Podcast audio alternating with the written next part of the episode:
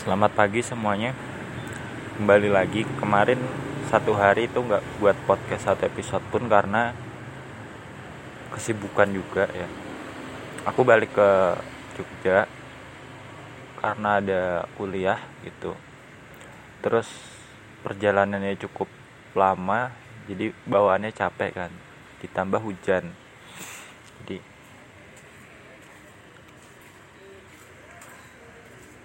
jadi kayak apa ya agak males gitu untuk kerjain apa pun.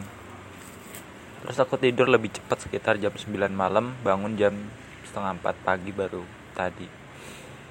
Nah, karena sekarang udah kayak biasa ya udah normal lagi di episode ini aku mau cerita tentang sendirian kemarin aku nulis tentang sendirian bahwa setiap orang tuh sebenarnya sendirian dia nggak punya teman ataupun sahabat nggak punya orang tua atau apa pun. Sebagai individu dia hidup sendirian. Harus beradaptasi. Emang realita hidup memang begitu tapi mau gimana lagi? Kita nggak bisa apa ya namanya kenyataan kita udah nggak bisa memungkiri itu akan terjadi pada setiap orang pada semua orang memang miris tapi itulah yang harus kita terima sebagai manusia. Hewan tumbuhan mereka juga sendiri. Semuanya diciptakan sendiri-sendiri.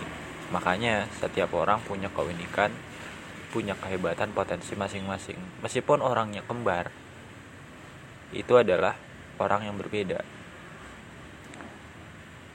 Misalkan orang kembar mungkin mereka pakai baju yang sama tapi nggak mungkin mereka mandi di waktu dan tempat yang sama.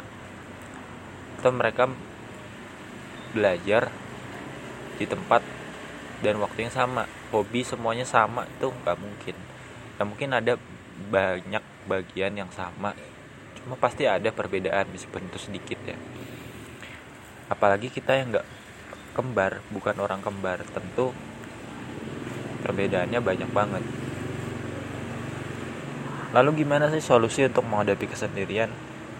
Aku baru dapat solusinya tuh tadi pagi yaitu dekat dengan Tuhan dekat sama pencipta kita.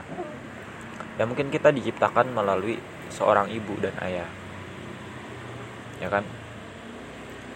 Mungkin kita dihadirkan sosok yang namanya teman.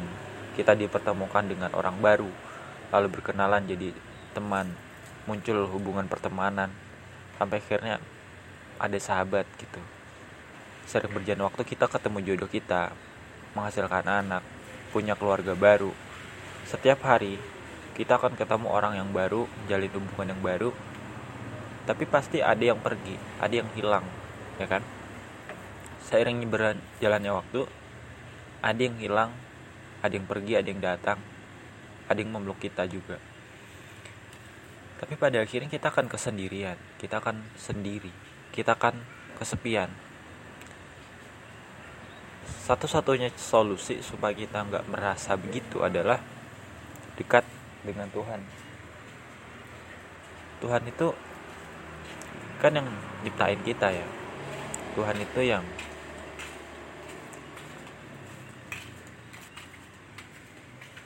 Tuhan itu kayak segalanya lah buat diri kita dia nggak mungkin ninggalin kita. Ya mungkin secara sekilas Tuhan itu bentuknya kayak apa sih? Kok kita nggak pernah lihat? Tuh gimana sih kasih sayang Tuhan itu? Kok kita nggak merasakan secara langsung gitu? Ya mungkin aku pernah merasakan itu mempertanyakan hal itu. Misalkan ketika aku bingung dalam ujian Tuhan bantu apa? Aku nggak bisa ngerjain soal ini. Terus aku merasa aku bisa karena usahaku sebenarnya nggak juga. Saat kita belajar sebelum ujian kok rasanya mudah banget ya belajar nggak ada gangguan? Itu karena Tuhan. Tuhan memberikan kita kesempatan untuk belajar dengan nyaman. Kita bisa sampai ke tempat ujian dengan lancar itu juga karena kasih sayang Tuhan. Dia udah mudahin jalan kita ke tempat ujian nggak ada macet. Terus kita udah dikasih kesempatan untuk sarapan kasih saya sayang Tuhan itu emang sifatnya kayak nggak langsung gitu loh. Cara nggak langsung tapi melalui perantara. Perantaranya mungkin ibu kita pengawas ujian teman kita atau siapa pun yang menjadi perantara. Istilahnya distributor kasih sayang Tuhan gitu. meskipun gitu kita juga jadi distributor juga. Kita menjadi perantara kebahagiaan orang lain perantara kekuatan bagi orang lain. Misalkan ketika ada teman kita kesakitan kita bantu. Ya itulah. Kita jadi distributor kasih sayang Tuhan. Kalau kita sadar ya ternyata emang begitu. Itu sih satu-satunya solusi yaitu kita ingat sama Tuhan